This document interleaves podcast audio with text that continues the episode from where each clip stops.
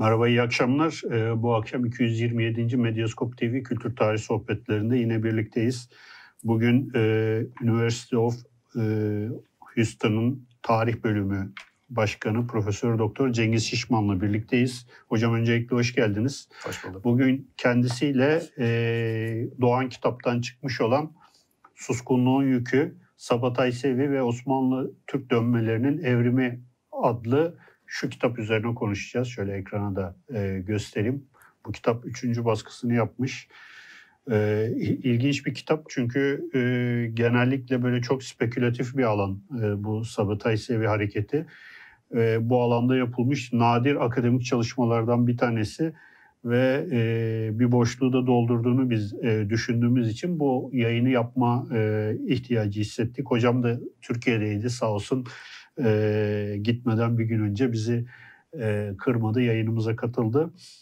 E, yayına başlamadan önce bize destek olan Kronik Kitabı ayrıca teşekkür etmek istiyorum ve e, masamın üstünde çok az gözüküyor şu anda. Kronik Kitap'tan çıkmış olan e, bu ayki kitapları hocamıza hediye edeceğiz. E, şöyle dik Merakla, tutayım. heyecanla bekliyorum. Şöyle dik, dikine dursun. Bir tanesi de Ozan'ın kitabı bu arada. Onu da Arada araya, reklam yapalım. araya, yani. araya bir de Bence gösterelim. Evet. Ön evet, plana çıkartalım. evet, e, Ozan da e, İbn Haldun üzerine yazdığı kitabı hocaya hediye edecek.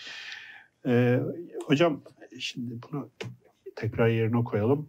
Öncelikle tekrardan hoş geldiniz. E, bu kitap bildiğim kadarıyla bir doktora tezinin kitaplaşmış hali ama Hı hı. yayına başlamadan önce siz aslında bunu epey bir değiştirdiğini Hı değiştirdiğinizi doktora tezindeki tezinin daha sonra epey bir üzerine uğraştığınızı ve 20 yıllık aslında bir emek olduğunu neredeyse söylüyorsunuz. Doktoranızı da Harvard'da yapmışsınız. Ee, o zaman ilk soru olarak hani bu kitabın hikayesi nedir? Nasıl e, bu noktaya geldi? Bir oradan bir giriş yapalım. Daha sonra yavaş yavaş içeriye Tabii doğru ki. geçeriz. Tabii ki memnuniyetle. Ben de evvela e, çok çok teşekkür ediyorum her ikinize de. E, Aslında Ozan'ın ikimizin arasında oturmamızda, iki Cengiz'in arasında oturup bir dilek dilemesi lazımdı ama Evet. bugünlük böyle olsun diyelim. E, Her gelen konuk size teşekkür ediyor, takdirlerini sunuyor. Ben de aynı şekilde takdirlerimi sunmak istiyorum. Yani Türkiye gibi bu imkanlarla 6. yıla giriyorsunuz programda. Mükemmel işler yapılıyor. Ben her programınızı e, demeyeyim çok iddialı olur ama e, pek çok programınızı ilgiyle e, severek izliyorum. Dolu dolu bilgi verici ve aydınlatıcı programlar yapıyorsunuz. O bağlamda bu serinin, bu geleneğin artık Cengiz Ozan geleneği diyelim ona. O geleneğin parçası olduğum için çok size teşekkür ediyorum. Estağfurullah. Kitabın hikayesine gelince, kitabın hikayesi hakikaten de böyle uzun ince bir yol. Hala bitmeyen bir hikaye aslında. Çünkü kitap hep özel kitap yazan, makale yazan her arkadaşının da bildiği e, bir şeydir de bu eminim. Hala gelişen, hala değişen e, bir konu. Çünkü ben bu kitapta yaklaşık işte 350-400 yıllık bir hikayeyi, e, bir cemaatin, sadece kişinin değil kişilerin oluşturduğu bir cemaatin, büyük bir cemaatin, etkili bir cemaatin, uluslararası bir cemaatin ya da grubun hikayesini yazdım. Öyle olduğundan dolayı da çok katmanlı, çok çetrefil, çok kompleks tarafları vardı. Sadece Türk tarihi, Osmanlı tarihi değil, aynı zamanda Yahudi tarihinin, Avrupa tarihinin, dünya tarihinin de bir parçası olan bir e, kitaptı. Öyle olunca da kitap sürekli değişti ve gelişti ve evrildi. Ve hala da evriliyor. Yani ben hala ayda emin olun e, kitap çıkalı şu an herhalde 4 yıl falan oldu Türkçe en azından. İngilizce çıkalı 5, 5 yıl oldu galiba. Ayda bir muhakkak bir yerlerden bir e-mail alıyorum. Ya kitabın herhangi bir dipnotuna bir katkı veyahut da bir düzeltme. İşte şurada bir şey söylemişsiniz ama kitap şöyleymiş vesaire türünden. E, O yüzden e, eğer bir gün gücüm yeter de e, tekrardan oturursam masa başına tekrar bu kitabı revize ettiğimde emin olun e, bir yarısı kadar daha e, çıkacaktır. E, Yarısı, yarısından daha büyük bir kitap e, eklenecektir e, yeni Hı. kitaba. Ama bu 20 yıllık süreç çok ilginçti. Yani ben doktorayı bu konuda yaptım. Doktoradan önce işte ben Boğaziçi Psikoloji mezunuyum. Yayından önce konuşuyor idik. Benim ilgim daha ziyade böyle derinlik psikolojisindeydi. Yani işte Jung, Freud yani böyle şey değil de davranışsal psikolojide dav yani tavşanlar işte elektrik verilince ne yapar gibi değil de e, ya da fareler e, insan zihni nasıl çalışır?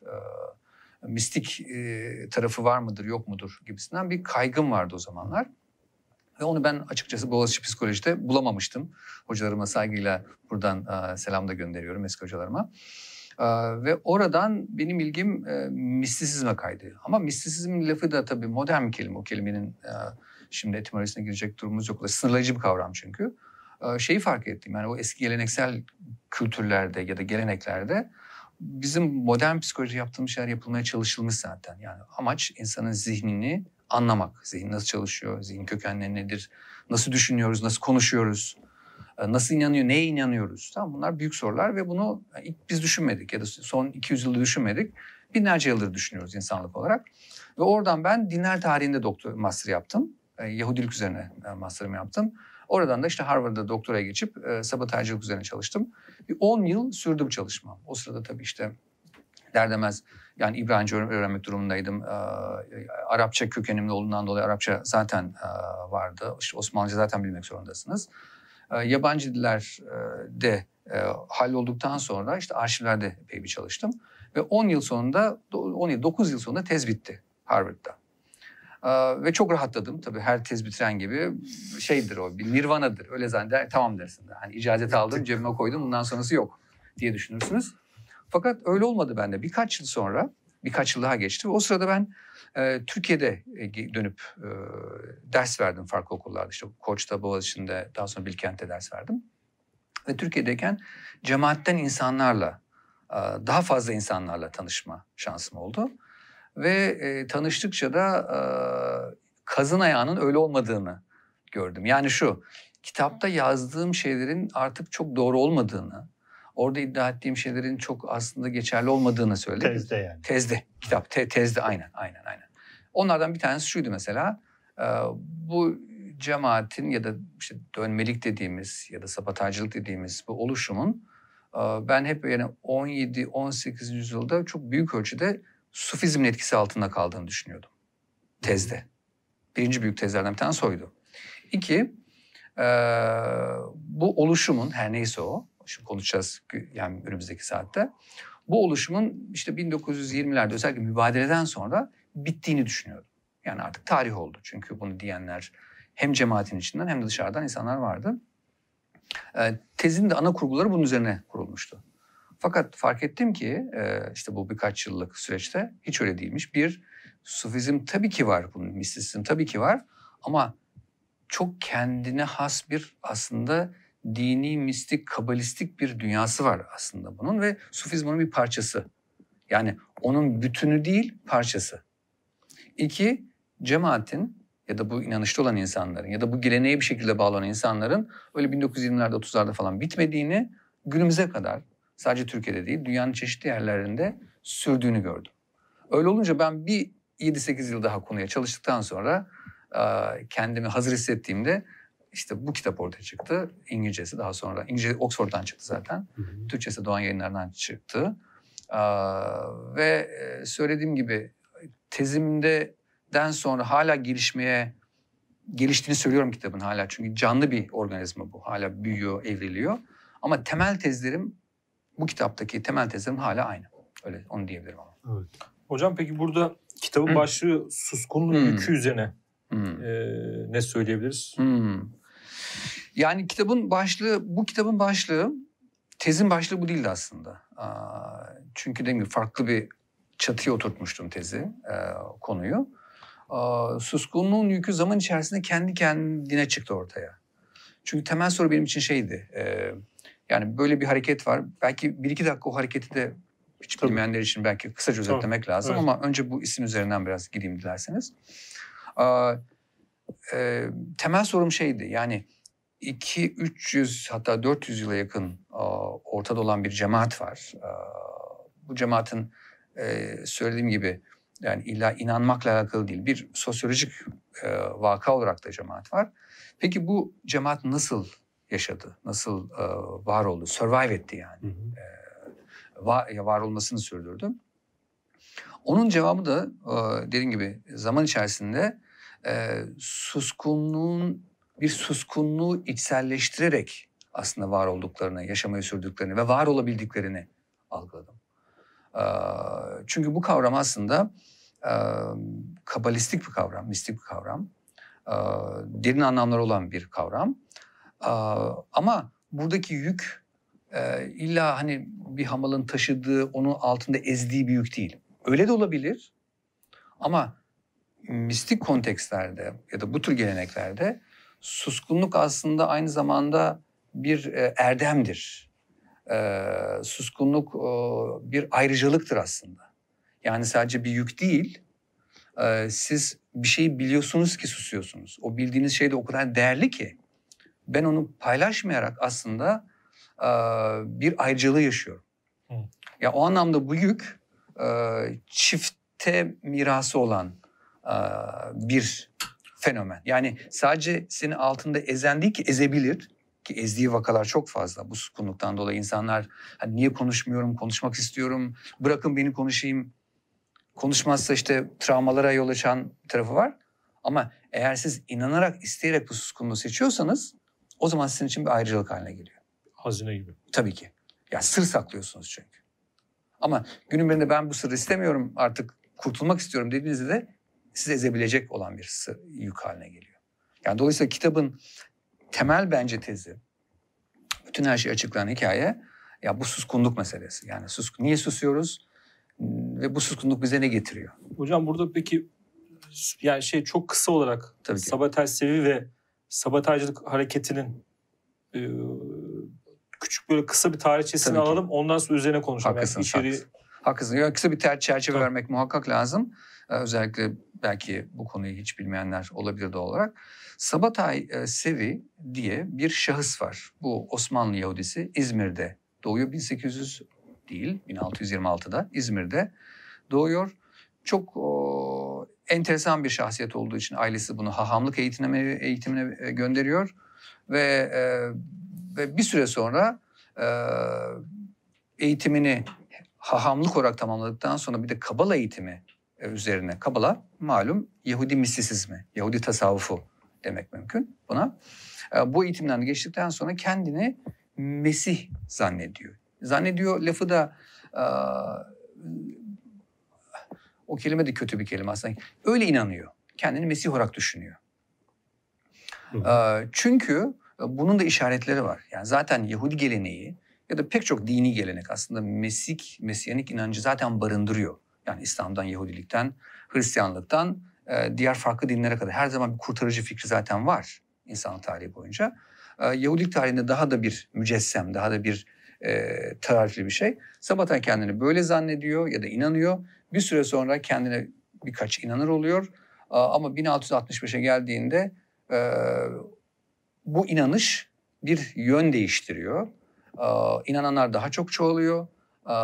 Gazalı Nathan diye bir peygamberi e, denilen e, kendi diyelim reklamcısı aslında PR'ı bir anlamda ortaya çıkıyor. İkisi çok iyi anlaşıyorlar zaten ve bu ikisinin o sinerjisinden çıkan bir hareket bir anda e, önce işte Kudüs, Kahire, İzmir, daha sonra İstanbul, daha sonra Edirne e, yayılıyor ama bununla da kalmıyor. Çok kısa bir süre içerisinde, kısadan kastımız şu, e, bir yıldan daha az bir zaman içerisinde. Şimdi 1660'larda bir yıldan daha az bir şekilde, şey, yani bir zamanda bunun yayılması mucizevi bir şey. Çünkü hani sosyal medya yok, Twitter yok değil mi? Yani televizyon yok.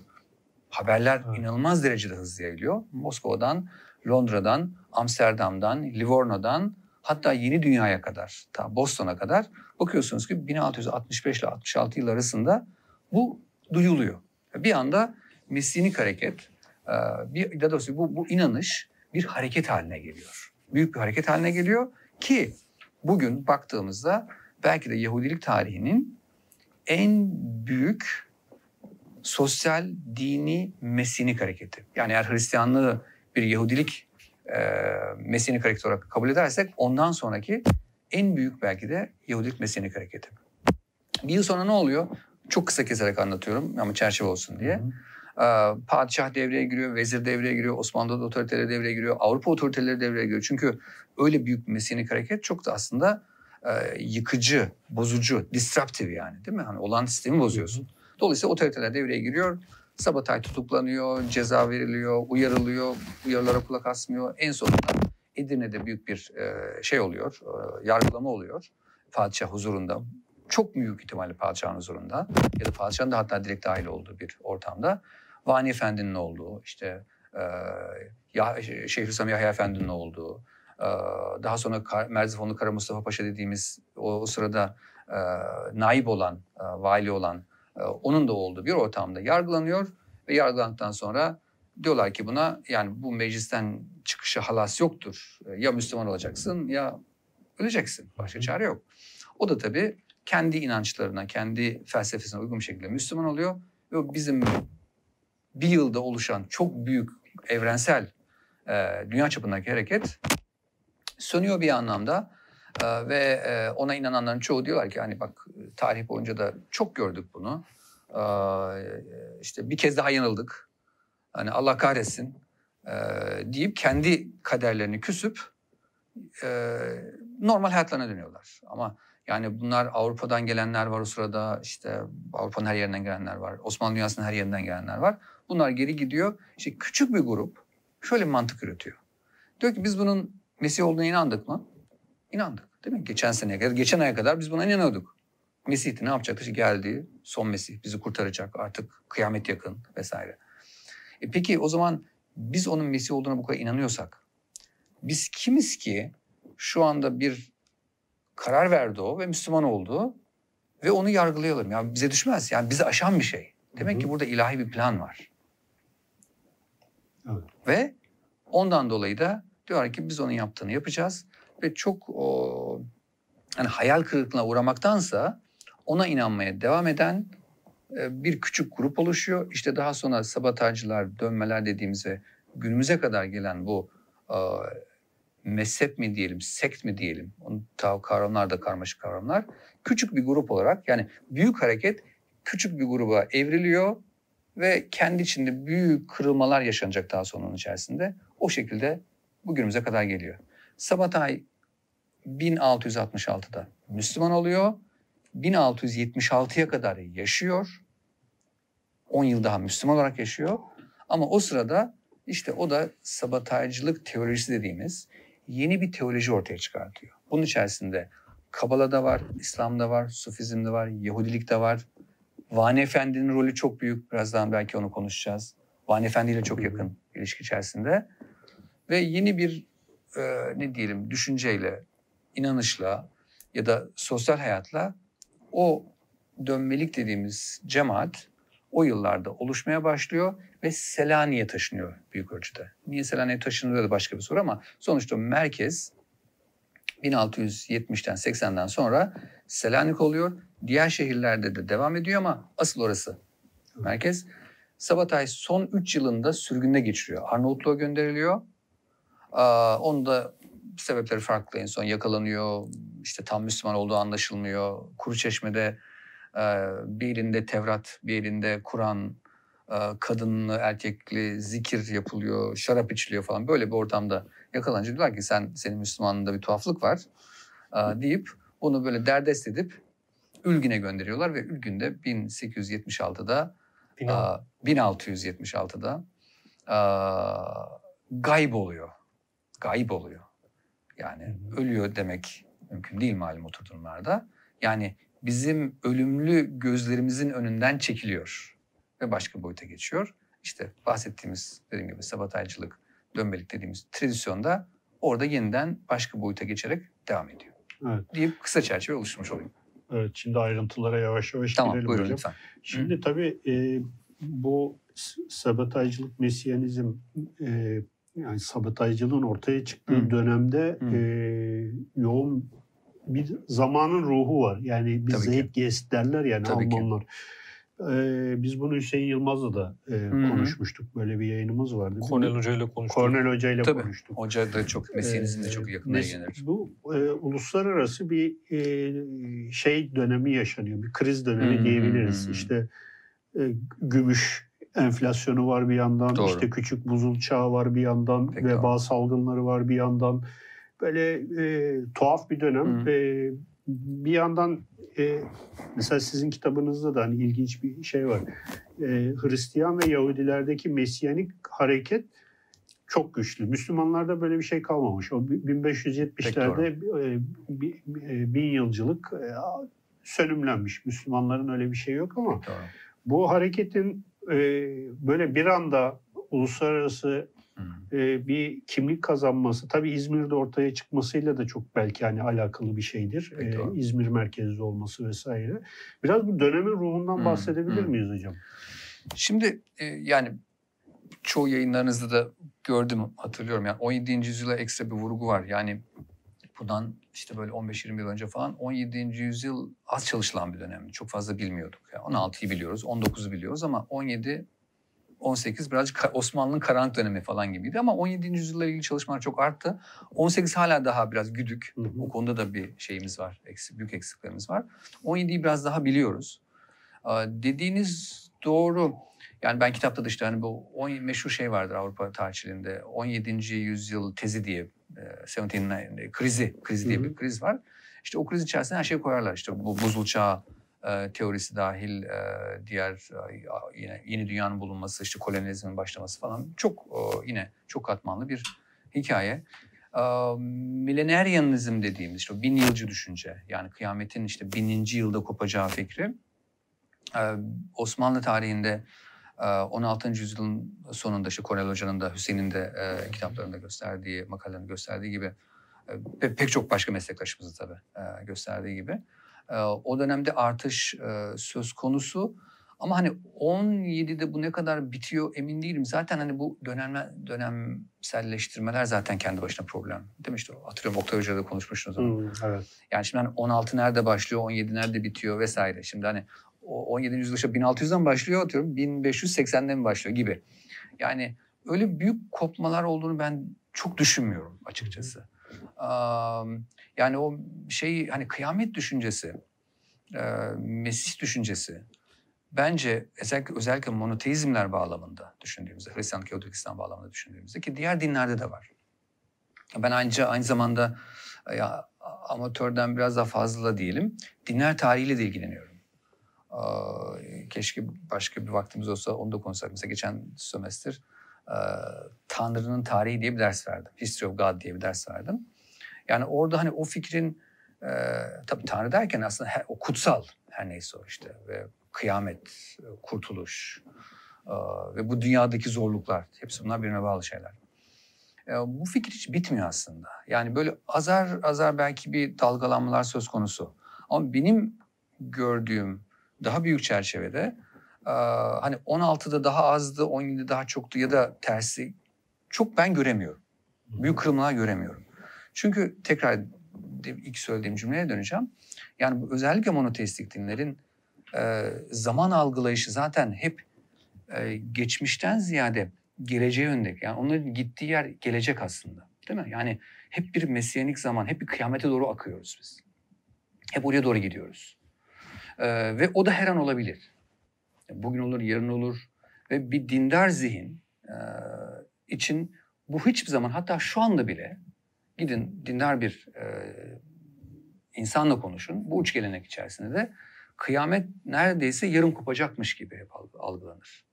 E, e, Yahudilikte bu çok daha şey e, ne derler çok daha baskın bir fikir. Çünkü e, çünkü onlardaki Mesih Mesiyanik zaman aynı zamanda kurtulma zamanı. Şimdi İslam'daki kıyamet fikri tam Mehdi var. Biraz Şiilikten gelen belki. Hani kurtalı çünkü bu hani bu dünyada hep eziyet çektiğini düşünüyorsun. Ee, dünyanın zor olduğunu düşünüyorsun. Hep bir kurtar ku- kurtulma fikri var.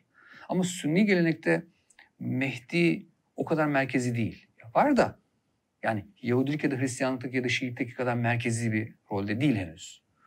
Ama Yahudilikte hep kendilerini e, zor zamanlardan geçtikleri için, işte tapınaklarının yıkıldığını düşündükleri için, hep bir diasporada olduklarını düşündükleri için ve hep mesela Yahudilik dualarında, e, ibadetlerin hepsinin sonunda şu ifade vardı işte gelecek yıl Kudüs'te diye bir dua vardı. Yani next year in Jerusalem. Yani gelecek yıl yani hep gelecek yıldır o. Hı hı. Ve daha da ironik olanı yani Kudüs'e gitseniz bugün e, Kudüs'teki bir dindar Yahudi de bugün hala aynı dua yapıyor. Gelecek yıl Kudüs'te. O Kudüs'te olmak fiziksel olarak yetmiyor. Yani o fiziksel bir şey değil o. İşte o mesiyanik zamanın başlaması lazım. Hı. Tamam onun için de Mesih'in gelmesi lazım ve o da gelecek yıl. If not earlier yani eğer, eğer daha ondan daha erken zamanda. Şimdi sorunuza gelecek olursam hani 17. yüzyılda ben azalma düşünmüyorum. Hep o, o mesiyanik fikir var. Ama şu doğru birkaç faktör onu hızlandırıyor. Bir tanesi Yahudi tarih için konuşuyorum şu anda. Bir tanesi şey işte sonuçta İspanya'dan kovuldular ya da İspanya'dan atıldılar mı diyeyim. Kovulma kelimesi hiç, hiç rahat ettiğim bir kelime değil benim. Sürgün. Sürgün, sürgün, sürüldüler. Yani sürgün edildiler. Onun travması geçmiyor. Yani şimdi 16. yüzyıldaki, 17. yüzyıldaki Yahudi metinlerine bakıldığında hep oraya referans var. O travma devam ediyor. Ee, o sırada yine 1660'larda 70'lerde pardon 1640'larda 50'lerde e, Polonya'da mesela büyük pogromlar oluyor. İşte Hmelnitski e, katliamı denilen büyük bir kavram ama onu duyuyorlar. Oradan gelen kaçanlar, survive edenler e, gelmiş falan filan. E, o zorluklar içerisinde olan bir e, zamanda e, dolayısıyla Yahudilik fikri oradan bence besleniyor ya da hızlandıran bir faktör. Şimdi ikinci faktör yine bu sabotajcılık mesleğiniz niye bu kadar büyüdü? Çok karmaşık belki tezimi yani kitaptaki benim bölümlerden bir tanesinin temel konusu da o. Ben şunu diyorum. Yani bu tam bu hareket çok büyüktü. Ama Osmanlı'da düşündüğümüz kadar da büyük değildi. Tam tersi Avrupa'da, Hristiyan dünyada daha büyüktü diyorum. Hı hı. Onun sebebi de şu. Orada Yahudi Mesyanizmi ile Hristiyanlık Mesyanizmi iç içe geçiyor 1660'larda. Sebebi de çok basit matematiksel bir şey. 1666'nın içerisinde işte 666 var. 666 kimdir? Deccal. Deccal'dir. Deccal. İşte o büyük beast'tir, hayvandır. Aa, ve e, Deccal'in gelmesi Yahudilik inancı, Hristiyanlık inancında özellikle mileneryan yani bu bin yılcı e, e, Hristiyan inancında, bütün Hristiyan inancında yok. Yani mesela diyelim Katolik, Katoliklik inancında yok o. Tamam Protestanlığın da bir kısmında var. İşte Amsterdam, Londra'da var mesela. Onlar diyorlar ki işte önce e, işte Deccal gelecek. Deccal çıktıktan sonra İsa gelip onu öldürecek. Ondan sonra zaten işte o onların anladığı Hristiyan Mesyanik zamanlar başlayacak. Şimdi bunu bir kenarda şimdi tutalım. Onun onun ona ek olarak şöyle bir inançları da var. Hristiyanların e, Hristiyanların Deccal dediği aslında Yahudilerin Mesih dediğiyle aynı. Ya da Yahudilerin Mesih'i aslında Hristiyanların Deccali. O inançta. Evet. O partiküler inançta ama bütün Hristiyanlıktan bahsetmiyoruz. Ölünce ne oluyor? Sabatay Sevi diye doğuda bir Mesih diye birisi çıkmış. Kendine Mesih diyor. Ne zaman çıktı? 1665'te. Ne oluyoruz? Bir yıl kaldı zaten. Tam zamanı. İşte hani İngilizce'de yine perfect storm diyoruz ya yani o mükemmel fırtınanın oluşması için çok güzel şeyler var bunlar burada imkan şey, yeni faktörler var. Ve diyorlar ki bu Hristiyan Avrupa'daki Hristiyan mileneryanlar şu anda e, Deccal çıktı ve onunla ilgili inanılmaz efsaneler var. Böyle ben şeylere baktım 17. yüzyıldaki bu kehanet kitaplarına baktım. İşte prophecy books dedikleri. İnanılmaz. Orada detay detay anlatıyor. Nasıl Deccal çıkacak, ondan sonra bilmem işte hangi nehirleri aşıp gelecek, en ona karşı İsa çıkacak ve işte Mesiyanik zaman başlayacak. Orada bir detay daha enteresan devreye giriyor. Diyorlar ki yine Hristiyanlar, ya tamam Deccal geldi, güzel. Ee, Mesih de gelecek ama bir şart var. Bütün İsa'nın tekrar gelmesi için. O da şu, Deccal'le birlikte o kehanete göre Yahudilerin de a, hepsinin kutsal topraklara gitmesi gerekiyor. O şart o. Çünkü öyle bir kehanet Hı hı. var. Kutsal topraklara gidince ne olacak? Peki inanışa göre iki senaryo var orada da. Biri çok kanlı bir senaryo, birisi çok barışçıl bir senaryo. Diyorlar ki e, ve bu inanış bu arada işte Hristiyan Siyonistler dediğimiz Amerika'da böyle 50, 60, 70 milyonu varan bir Hristiyan evangelistler var ya. Hı hı. Hala onların da da etkin olan bir kehanettir bu. O kehanete göre de şu olacak. Bütün Yahudiler kutsal topraklarda toplanacaklar. İsa gelecek. Aynı 2000 yıl önceki gibi. Ve onlara diyecek ki işte tekrar teklif yapacak. Teklifini tekrar yapacak. Ve Yahudiler o birinci defada kaçırdıkları fırsatı kaçırmayacaklar ve inanacaklar ona İsa'nın Tanrı'nın oğlu olduğuna ve işte Mesihlik zaman başlayacak. Dolayısıyla onların oraya gitmesi lazım. Ama bu senaryo barışçıl bir senaryo. Bir de bunun kanlı versiyonu var. Yine aynı şeyler olacak. İsa tekrar teklif edecek. Ama bu defa Hristiyanlar, Yahudiler yine kabul etmeyecekler. Ha işte orada İsa onların hepsini kılıçtan geçirecek. Ve yine Mesiyanik zamanlar başlayacak. Şimdi öyle olduğundan dolayı şimdi bu kehanette şimdi üç şey birbirine bağlanıyor. Yahu- Deccal yani Hristiyan Yahudi Mesih'i Yahudileri alacak kutsal topraklara gö- götürecek. Kutsal topraklara gitmesi için de Türklerin de sonunun gelmesi gerekiyor. Çünkü Hı hı. Türkler kontrol ediyor orayı. Ve üç şey biraz farkındayım çok dallanıp budaklanıyor ama basite Yok, indirgeyim. Üç şey, üç şey birbirine çok bağlanıyor. Aa, Yahudilerin kutsal topraklara gidişi, gitmesi lazım. Gitmeleri için yani buranın sa- şey olma, güvenli olması lazım. Bu güvenli olması için Türklerin de aradan çıkması lazım. İşte Turkish Doom denen bir şey var. Yani Türklerin sonunun gelme senaryoları. Yine kehanet kitapları bunlarla dolu. Ve e, ve Yahudilerin ihtidal yani Hristiyanlığa dönmesi ve sonuçta da Hristiyanlığın ya da Hristiyanlık Mesyanik zamanlarının başlaması gerekiyor. Bu üç kehanetin oluşturduğu onlarca dediğim gibi kitap o yıllarda. Aa, ve e, ve bu inanışta olduklarından dolayı da şimdi konuya bağlayacağım orada bitireceğim. Avrupa'daki heyecan daha büyük oluyor. Yani aynı heyecan Osmanlı Yahudiler arasında da var ama Avrupa'da Hristiyanlar arasındaki olan o e, ne diyelim heyecan e, Deccal gelecek, onlar işte kutsal topraklara gidecekler, Türklerin sonu gelecek, ondan sonra İsa gelecek ve vola. Yani Mesiyanik zamanlar gelecek. Ve benim de söylediğim tez o. Yani Avrupa'daki mileneryanlar, mileneryanlar arasındaki ve dolayısıyla oradaki Yahudiler arasındaki heyecan, Mesih, Mesih'le ilgili bu heyecan Osmanlı Yahudilerinden daha fazla. Ama en nihayetinde tüm bunlardan dolayı da zamanın ruhuna sorusuna dönersek Hı hı. böyle bir ruh var. Böyle bir beklenti var. O beklenti bu hareketin çapını dediğim gibi Moskova'dan, işte Yemen'den, eee, Tunus'tan, Fas'tan, Amsterdam'a kadar hatta Boston'a kadar eee, sürdürüyor. Son bir örnek vereyim onu bitireyim. Boston ikide bir söylediğim için Boston. O zaman Harvard eee, rektörü var. İşte president diyorlar. Eee, Increase Mather adı. Increase Mather. Bu da şeyin babası. Bu hani Salem Witch Trial vardır. Salem e, cadı. Hı, evet, evet. Onun oğlu Cotton Trial, Cotton Mather. İşte bu Increase Mather onun babası. Onun kitabı var.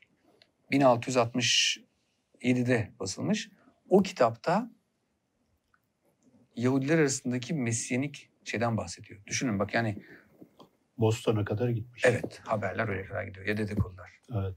Şey de çok ilginç hocam. O, şimdi Ozan'a ver, vereceğim sözü ama 1666 bu Londra yangını da çok Hmm. şey yapıyor Tabii yani. ki. Olayı köpürtüyor vesaire değil mi? Öyle bir şey de var. Pek doğru, pek doğru. Yani o Şey mevzusu da var. Yani e, bunun üzerine e, Emin Maluf'un Hmm. 100. At romanı Doğru, yani bu evet. şey Doğru. konteks üzerine işte doğru. 1666 e, Londra yangını, Tabii. Sebetay Sevi 100. at zaten Tabii. şey e, yani İslam inancında 99 at var. Pek doğru. Allah'ın adı olarak e, Esma Hüsna olarak 99 100. at olarak da Aynen. söylenmeyen at işte Aynen. şeydeki Yahudilikteki söylenmeyen at olarak söylüyor. 100. at romanı da bu, bu bağlamda Bu bağlamıyor bütün kurgunun üzerine. Evet. Yani sabotaj seviye aslında olayı. Yüzüncü Evet. ad. Yani tabii. yani onda e, ilgilenenler Aynen. e, 100. ada bakabilir. Çok uzun zaman önce okumuştum. Bayağı ilginç Çok bir doğru. romandı. O Aynen. şeyleri filan sakızlılar işte oradan kaçakçılıklar filan. Ben şimdi şey Tabii, tabii, 20 tabii. sene falan olmuştur okuyalı. Ona bakabilirler. Peki hocam burada e, Yangınla ilgili bir şey söyleyeyim? Yani o iki yangın da ya aslında hem hem Londra yangını ondan bir yıl sonra da İstanbul'daki yangın da Evet. hani işte o perfect storm dediğimiz şeye katkıda bulunan şeyler. Yani Londra'daki yangın Londra'nın e, neredeyse yarısını yakıyor. Mileneryanlar için e, bu bir e, sevinçli bir şey. Çünkü işaret. Hı hı. Yani sokaklara çıkıp dans eden e, peygamber yani peygamber diyorlar yani o gelenekte. Yani bizim Hı hı, anladığımız anlamda peygamber değil işte kadın ve erkek işte bu kahinler diyelim. Dans ediyorlar çünkü hani işaretler tamam geliyor artık. 1666 60 61'deki İstanbul yine. İstanbul'daki işte Ka- Karaköy değil Eminönü'ndeki o yangın da e, kimilerine göre bak ha işaret işte. Yani ateş. Evet. Ateş yani. İstanbul yangını üzerine de Kenan Yıldız'la konuşmuştuk. Ayrıca onu da referans vererek, bakınız vererek, Tamam tamam. Dipnot. program içinde Dipnot, dipnot, tamam. vererek gidelim. Harika. Hocam burada şey de var. e, biraz daha böyle genel e, konteksten şeye dönelim. Biraz daha özele dönelim. Burada Tabii. e, Sebetay Sevi e, Müslüman oluyor ve yanına bir hoca veriyorlar. Hı hı. Vani Efendi işte Hı hı. Vaniköy'ün e, isim babası Vani Efendi'yi Evet. yanına hoca veriyorlar. Hı hı. Ve aralarındaki bir öğret e, ne diyeyim öğretmen öğrenci Hı hı. ilişkisi var ama hangisi Hı hı. öğretmen hangisi öğrenci? Çünkü Hı hı. bu e, girift bir şey var, ilişki var. Bir- Biraz onun üzerinden konuşabilir miyiz? Evet, evet. Am, aynen çok çok ilginç bir yere parmak basıyorsunuz. Vani Efendi kendi başına çok ilginç bir karakter zaten. Yani hani işte bütün o Kadızadelilik geleneğinin içerisinde çok önemli bir bir bir bir aktör. Padişah üzerine çok tesirli. Çünkü padişahın sır katibi. Hep bazıları şey karıştırır. Vani Efendi'yi Şeyhülislam değil, Şeyhülislam Yahya Efendi'dir. Ama Vani Efendi'nin o zamanki dini söyleme etkisi Yahya Efendi'den çok daha güçlü. Şimdi böyle bir adamdan bahsediyoruz. İşte kendisi Vanlı, Kürt kökenli, Erzurum'da bir süre vazife yapıyor galiba. O sırada Köprülü Fazıl Ahmet'le arkadaşlık kuruyor. E, ondan sonra Fazıl Ahmet onu saraya getiriyor ve sarayda çok hızlı bir şekilde e, e, etkin olmaya başlıyor. Şimdi orada aslında hani bir şey bile değil belki o kelimeyi bile dikkatli kullanmak lazım. Yani Vani Efendi onun yanına hoca olarak verilmiyor. Vani Efendi onu seçiyor bir anlamda. Yani Vani Efendi çok aktif orada. Hani şey değil, e, proaktif daha doğrusu. Böyle hani ona bir vazife verilmiyor. O kendisine vazife ediniyor. Zaten o mecliste de bulunuyor yani. Aynen, tabii ki. mecliste. Tabii ki aslında ki oradaki de bence de asıl e, karar verici, verdirici şey de o. Vani Efendi bence hala tam çözemediğimiz bir karakter. Yani bir yanıyla hani Kadızadeli geleneğinden geldiğinden dolayı böyle işte anti sufi, anti e, mistik diye düşünmek mümkün ama öte yandan da çok mileneryan birisi. Yani kıyamete inanan birisi, kıyametin geleceğine inanan birisi. Hatta mesiyanik, mistik taraftarı da olan birisi. Yani hani bir önceki soruda konuştuk yani dindar zihin her zaman mesiyanik zaten. Yani çünkü zaman geleceğe doğru akıyor. Şimdi Vani Efendi ile onun ilişkisi dediğiniz gibi bir kere e, hayatı boyunca sürüyor. E, çünkü Sabatay e, Müslüman olduktan sonra işte fes giyiyor. Ondan sonra işte elbisesini değiştiriyor. İşte malum hamama gidiyor. Sünnet olması gerekmiyor çünkü Yahudi olduğu için sünnete e, zaten gerek yok. Ve bir süre sarayda yaşıyor Sabatay Sevi. Ve tabi bu arada adı ne oldu? Aziz Mehmet Efendi oldu. O da çok ilginç bir şey değil mi? Hani e, hem efendi hem de aziz bunlar hani Osmanlı'daki bir iltifatlar, tatifler. Yani bir anlamda hani Sabatay'ın veli olduğu ya da önemli bir şahıs olduğu da kabul edilmiş oluyor. Bir kitabınızda da bir not vardı. Mehmet'in e, şeyde e, gerçek anlamına geldiğine. Hı. Yani Mehmet Hı. e, hem Vani Doğru. Vani Mehmet hem Aziz Mehmet hem dördüncü Mehmet ilginç bir şekilde Hem de Muhammed. hem de Muhammed Tabii ki. ilginç Hem bir de şekilde- İbranice'deki e, emet kelimesine. Emet İbranice'de hakikat demek. Hı hı. Tamam mı? Kelimeler çünkü İbranice ile Arapça sonuçta Semitik dilden geldikleri için ortak e, tarafları var. Yani öyle bir se- ismi seçmesi zaten hani tesadüfi kesinlikle değil. Ama onunla birlikte yani hem sonunda efendi koyuyorsunuz ki hani bilmem Suud Efendi değil mi işte Yahya Efendi yani bir efendi title'ını koyuyorsunuz. Hani ulema e, kısmına vurgu yapıyorsunuz. Çünkü Sabatay zaten e, Rabbinik gelenekten geliyor. Ama başına da Aziz koyarak işte Aziz Mahmut Hüdayi mesela değil mi? Hı hı. O zaman da kullanılan. E, onu koyarak onun aynı zamanda mistik şahsını da e, ne diyelim takdir değil de kabul ediyor. Tes, teslim ediyor. Teslim ediyorsunuz. Evet. Yani recognize, te- teslim ediyorsunuz orada. Şimdi böyle bir şahıs. Şimdi orada kim kime öğretiyor sorusu. e, Bilgisi kimin çoksa o ona öğretiyor. Bence ikisi birbirinden epeyce bir şey öğreniyorlar. Detaylara tabii giremeyiz ama Sabatay mesela e, birinci yılın sonundaki birkaç yaz, ya- ya- yaz yani mektubunda ya şeye benziyor şey, yani bu Kadızadelerin en çok kullandıkları böyle bayraktarlarını yaptığı, slogan yaptıkları işte emri bil mahruf nehyanil münker var ya bu özellikle e, İyiliği emredip Evet. kötülüğü nehyetmek ki o çok temel bir prensiptir. E, yani sultanlardan kadılara kadar e, temel bir prensiptir. E, Aziz Ma- şey Sabatay kendi inanırlarına gizli olarak gönderdiği mek- İbranice mektubun içerisinde o formül var mesela. Şimdi hani demek ki orada artık İslam'ı öğreniyor zaten Sabat Hı hı. yani Vani de zaten amacı ona öğretmek. Öğrettikten sonra onu bir anlamda misyoner olarak kullanıp diğer insanları da diğer Yahudileri de İslam'a ih- ihtida ettirmek. Çünkü yine Zeitgeist'e gidersek zaman ruhuna hem 4. Mehmet hem Vani Efendi'nin en büyük ne diyelim ihtirasların başında herkes Müslüman etmek yönü. Şimdi eski ondan önceki Osmanlı padişahlarında o kadar gördüğümüz bir şey değil o. Yani hani insanlar Hristiyan olarak kalır, Yahudi olarak kalır. Hele kalsın zaten cizye veriyor değil mi? Ekonomi olarak daha mantıklı. Ama e, Avcı Mehmet yani avcılıktan sonraki en büyük e, ne diyelim hobisi insanları müftedi yani İslam'a çevirmek ve onlara işte e, e, mükafat vermek şimdi Vani Efendi de bu misyoner mantığında olduğundan dolayı amacı Sabata'yı mümkün olduğu kadar eğitmek, onları oraya göndermek ve daha çok Müslüman yaptırmak. Nitekim oluyor da işte Antoine Galan mesela Hı hı. 1800 1672'deki o anılarında e, anlatıyor mesela işte diyor Sabatay işte sokakta yürürken gördüm arkasında işte 30-40 kişi vardı. Hepsi türbanlıydı. Yani şey işte türban dediğimiz Sarık. sarık Hı hı. e, sarıklıydı deyip e, bize şeyi de gösteriyor. Hakikaten de Vani o projesinde başarılı olmuş ama ama anlamadıkları taraf şu oluyor.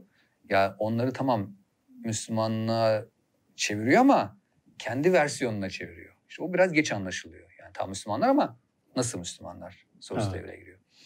Ee, aynı şekilde hani Sabatay peki Vani'ye bir şey öğretti mi? O da pek muhtemel. Çünkü konuşuyorlar yani ikisi akıllı. Hocam şimdi bu e, bizim Kahraman Hoca ile yaptığımız bir Hı. yayın vardı. İkinci Viyana kuşatması ile ilgili. Orada şimdi kuşatma başarısızlıkla sonuçlandığı zaman herkes birbirini suçluyor tabii. tabii. Bu Vani Efendi de sürgüne tabii gidiyor. Onun onun arkasından yazılan raporlarda şöyle ifadeler var. İşte e, o mu şeyi eğitti, Hmm. e, Sabatay'ı eğitti, Hmm. Sabatay mı onu Yahudiliğe çevirdi, o Hmm. belli değil gibi böyle Hmm. e, birçok rapor var. Ya burada aslında kimin kime ne kadar e, etkilediği meselesi de aslında çok Hmm. belirsiz gibi duruyor. Doğru. Doğru. Yani bunu bunu çözmek mümkün değil ama ben şunu kesinlikle söylemek mümkün. Yani birbirlerinden öğrendikleri, etkilendikleri muhakkak ama hani Vani'nin bütün fikir, Yahudilikle ilgili bütün fikirlerini o mu belirlemiştir ya da Sabatay'ın İslam'la, tasavvufla ilgili bütün fikirlerini Vani mi belirlemiştir? Bunu bilmek e, mümkün değil ama bir etkileşim muhakkak. Bir e, öğrenme, karşılıklı öğrenme e, muhakkak.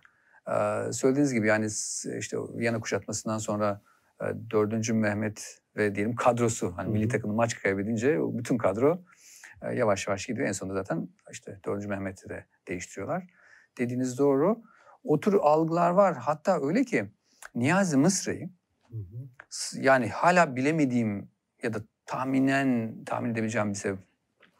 Tahmini zor bir sebepten dolayı öyle söyleyeyim. E, Niyazi Mısri Vani Efendi'ye gizli Yahudi diyor mesela. Evet.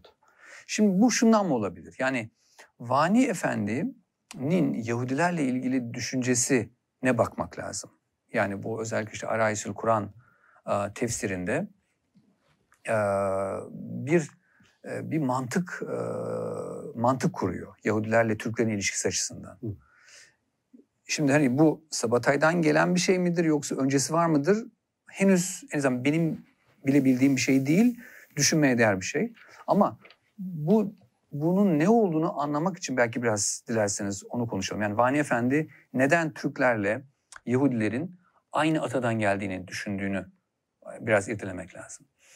Şimdi birincisi e, Vani Efendi'nin kendisi söylediğim gibi yani kıyamet yani o mileneryen olmasa bile kıyamete çok derinden ya kıyametin yaklaştığına inanan birisi. O yüzden de zaten herkesi Müslüman yapmaya çalışıyorlar.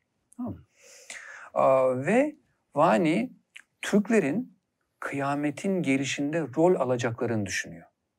Bir rolleri, büyük bir rolleri olduğunu düşünüyor. O da makuldür. Şimdi düşünün ki 17. yüzyılda Osmanlı İmparatorluğu dünya imparatorluğu. Yani hatta baktıklarında dünyanın efendileri. Yani bütün işte yedi kıtanın, yedi e, o suyun, yedi dağın her yerin değil mi, hükümranı pozisyondalar. Dünyanın en hani süper gücü anlamda. Ve o zihniyetle de artık dünyanın sonu geldiğini herhalde e, düşünüyorlar. Ve Türklerin de burada önemli rol olduğunu düşünüyor. Çünkü diyor ki Vani, işte bir ayet var şey diye siz eğer hani siz savaşmazsanız Allah sizi savaşan başka bir kabileyle yer değiştirir. Mali bir ayet var. Ve orada şey getiriyor diyor ki aslında bu ayet diyor Araplar Araplara karşı geldi. Araplar Araplar için geldi çünkü Araplar Bizanslara karşı savaşma ya da Hristiyanlara karşı savaşmak istemediler. Daha sonra bu işi Türkler yaptılar. Zaten bir de işte yine o uydurma hadis var ya işte hani o şehri fetheden asker ne güzel askerdir denen İstanbul fetheden ayeti de hadisi de yanına koyuyor. Ve diyor ki hani demek ki işte demek ki Allah'ın kastettiği o ırk yeni ırk Türkler. Evet. Orada da bitmiyor. Bütün o İslam tarihindeki Türklerle olan, ilgili olan o söylemi, diskursu değiştirmeye çalışıyor. Şimdi diğer bir söylemde e, Türklerle ilgili özellikle er, erken İslam tefsirlerindeki söylem Türklerin işte Yecüc Mecüc olduğu hikayesi. Vani diyor ki tam tersi diyor. Türkler bir Oğuz soyundan geliyor.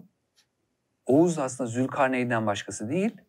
Zülkarneyn kim? Zülkarneyn zaten Yecüc Mecüc durduran kimse. Şimdi hani bu Oğuzculuk hikayesi tabii ki e, ta 2. Murat'tan beri olan e, Türkleri farklı bir tarafa koyan e, fikir hep var orada Oğuzculuk. Ama bence Vani Efendi ile bu Oğuzculuk başka bir düzeye taşınıyor. Diyor ki işte Zülkarneyn ile Oğuz bir. Orada yine yetmiyor. Çok sistematik düşünüyor. Orada yine yetmiyor. Diyor ki orada e, kıyam, başka bir hadis var. E, işte kıyamet orada 70 bin, 70 bin tane İsakoğullarından birisi gelmeyince kıyamet kopmayacak diye bir hadis var. Şimdi yine şimdi kıyamet kopması için bir şart. İsakoğulları lazım. Kim o İsakoğulları? Vani Efendi'nin hemen orada da çözüm hazır. Diyor ki İsakoğulları da Türkler. Çünkü diyor biz İshak soyundan geliyoruz. İshak kim? İshak işte en yukarıya çıktığımızda Peygamber İbrahim'in iki oğlundan bir tanesi. Bir tanesi İsmail, bir tanesi İshak. Bildiğimiz meşhur hikaye. İslam ya da Müslümanlar İsa, e, İsmail'den geliyor ama Yahudi geleneğinde o kabul edilmiyor. İshak'tan geldiği düşünülüyor. Ve diyor ki, çünkü normalde İshak'ın aslında iki tane oğlu var. Bir Yakup, bir Esea, Esea diye birisi. Hı hı. E, Yakup'tan da zaten bütün İsrail oğulları o Yakup soyundan geliyor. Peki bizim alakamız ne bunlarla diyor. Biz diyor İshak'ın diyor bir de kızı vardı. Yani o iki erkek çocuktan. Ki bu arada bu Yahudi geleneğinde o kız yok. Bu arada. Yahudi Hı-hı. geleneğinde iki tane oğlan var. Onlar da kavga eden oğlanlar. Yakup hilekar olan çünkü Hak aslında Esau'nun. Ama annesi Rebeka e, Yakup'u seviyor ki daha sonra Yakup işte İsrail olacak, İsrail oğulları olacak. Yakup'u sevdiğinden dolayı bir şekilde oğluyla anlaşıp babaları da o sırada İshak büyüm, şey yaşlanmış, kör olmuş tam da e, farkında değil olayların. Kandırıyorlar. Büyük oğlanı ava gönderiyorlar. O avdayken işte bir şekilde babasının e, mirasını, işte blessingini, mirasını ve şeyini, ne derler, kutsiyetini Yakup alıyor. Orada bir enteresan bir hikaye var. İşte bizim Mani Efendi diyor ki, bir de bunların kız kardeşleri vardı. Hmm. Dediğim gibi normal yani Yahudi Hristiyan geleneğinde böyle kız kardeş yok. Ee, Yakup'un bir kızı var sadece. Din, Dina neydi? Dina. Ama Vani'ye göre var. Diyor ki işte bizim Oğuz yani Zülkarneyn işte bu kızla evlendi. Türkler de Oğuzlar da buradan geliyor. Öyle olunca biz ne oluyoruz? İsakoğullar oluyoruz ya da İshakiler oluyoruz. Hele hele bir de şöyle düşünürse yani Yahudilikte soy anneden Evet. gelir. O zaman doğrudan Türkler Yahudi olmuş oluyor bu senaryoya göre. Ve hikayeyi tekrar toparlarsak yani kıyamet zamanında ya da işte kıyamette Türklerin oy- oynayacağı rol de işte bu. Yani Evet. Tanrı da Allah da işte peygamber de bunu zaten hadislerle ayetlerle söyledi. Evet. Bu gibi bir acayip sistematik düşünce var. yani. Burada Vani Efendi ve Sabatay Sevi'nin e, 20. yüzyıldaki görünümü, görünümü üzerinde bir dipnotunuz var. Bunu Hmm, buraya hmm, e, şey yapmak gerekiyor, eklemek gerekiyor. lütfen. İlk dönem işte Cumhuriyet'de kur- kurulduğu zaman milliyetçiler Vani Efendi'yi ilk e, milliyetçi, Türk milliyetçisi. Türk milliyetçisi olarak hı hı. e, atfediyorlar. Şeyler de, Siyonistler de ilk e, Yahudi milliyetçisi olarak Tabii doğru. e, Sabatayı. Sabatay Sevi'yi Aynen öyle. Aynen. Proto-Siyonist diyorlar. Yani hani Ha- ilk şey Siyonist. Hatta şöyle yakın zamanda Vani Efendi'nin Arasul Kur'an, işte Kur'an'ın gelinleri Hı hı hı. kitabı Selenge yayınlarından e, çıktı E, ve Nihal Atsız'ın e, Hmm. şey üzerine nedir? Vasiyet. Vasiyeti üzerine Hmm. tercüme edildiğine şey yapmışlar. Ön- hatta dün bugün mü? Dün pardon kütüphaneyi düzenlerken Hmm. önüme çıktı benim de. ilginç bir tesadüf oldu. Çok güzel Öyle bir durum var yani. Anladım. Onu Ama da- onu da galiba ikinci ikinci cildini daha çevirmemişler. Yani Esas öyle bir öyle bir, öyle bir durum da var. Ka- Cameron'ın şey e, kahramanın söylediğine göre ikinci kısım önemli kısmını tercüme etmişler ama şey var yani Ha. yeni tercüme edildi. O da ilginç bir şey aslında. Fevkalade, fevkalade. Dediğiniz gibi yani o, tabii ki işte hani Türk ulusu yaratılırken ya da icat edilirken Türk milliyetçiliği e, 19. yüzyılın sonunda 20. yüzyılın başında yani bu tür şeyler devreye giriyor ve tabii hep e, ulus ulus o, fikri yaratılırken hep bir köken arayışına gidilir ya. Hani Evet. bunun hiçbir zaman şey düşünmez. Ya bu bugün olmadı. Yani aslında çok daha kökü eskilere dayanıyordu. E, yani e, şey yapmak için e, ne derler ikna etmek için. Orada da Vani Efendi'nin dediğiniz gibi o rolü oynuyor. E, İsmail Hamid Danışment'ti galiba. Evet evet. Yani bir kitabında onu doğrudan e, yani Türk milliyetçiliğinin babası olarak kabul ediyor. Tabii ironik olan kendisi işte Vani Efendi'nin Kürt kökenli, Ziya Gökalp de başka bir Türk milliyetçisi o da Kürt kökenli. Böyle enteresan Evet. orada e, ironiler de var. Hocam Doğru. şimdi bu hareketin bir uluslararası boyutuna biraz dönelim. Ee, Şimdi ben kitabı okurken yani şimdi sonuçta e, e, Sabatay hareketi Osmanlı topraklarında doğmuş. İşte daha sonra Selanik'te yoğunlaşmış. Ama daha çok bizim hani coğrafyamızda şey yapmış. Oysa e, sizin kitabınızdan anlıyoruz ki bu özellikle e, Polonya Yahudilerini çok etkilemiş. İşte Hollanda'da zaten hatta işte e, Spinoza ile Hmm. çağdaşlığını falan da vurguluyorsunuz kitapta. Mesela bu şey mesela Doğu Avrupa'da e, Polonya'daki Frank hareketi var. Hmm. Frankistler. Frank Server. E, onlar da mesela Katolik oluyorlar. Hani Evet, evet, dönüyorlar evet. ama Katolikliğe dönüyor. Bu Evet. nasıl oluyor? Biraz buradan Hmm, e, hmm. bahsedebilir miyiz? Tabii ki, tabii ki. Şimdi bir kere e, şimdi o Frankizm yaklaşık 100 yıl sonra ortaya çıkıyor. Belki onun arasında belki bir, bir iki bir şey daha söylemek e, lazım. E, şey demiştik ya işte hani ilk Sabatay işte Müslüman oldu. Yani onu takip eden %90'ı hani Allah kahretsin bak yine mi yanıldık deyip gidenler var. Bir de bir şekilde inançlarının içinde tutan ama dönmeyen ya da. Müslüman da olmayan bir grup var. Yani Avrupa'da aa, 1600'lerin sonunda 1700'lerin başlarında Amsterdam'dan, Polonya'dan, Almanya'dan hatta İtalya'ya kadar gizli Yahudi olarak kalmış Avrupa'da Sabatayistler var ve onlar kendi aralarında sürekli kavga ediyorlar.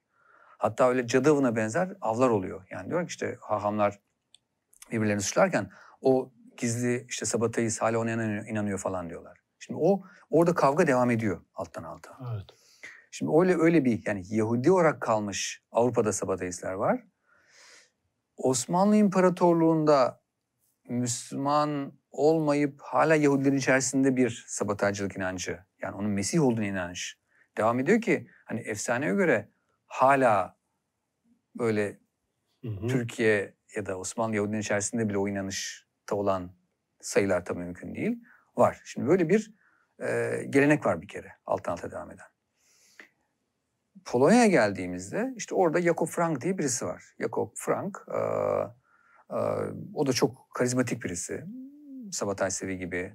Ee, daha sonra dönme liderler var şeyde Selanik'te. İşte Osman Baba, Mustafa Çelebi, e, İbrahim Efendi gibi böyle büyük e, şeyler var. Selanik'te olan liderler. Şimdi Jakob Frank 1600 değil tabii ki 1750'lerde 60'larda Selanik'e geliyor. Bu Polonyalı.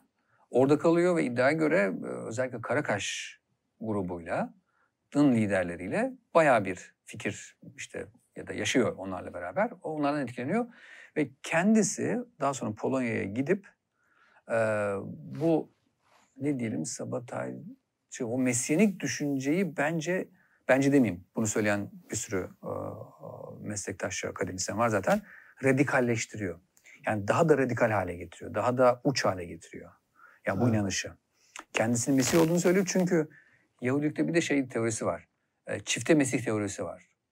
Yani hani bir Mesih gelecek bir aileden ondan sonra o onun habercisi olacak ikincisi gelecek.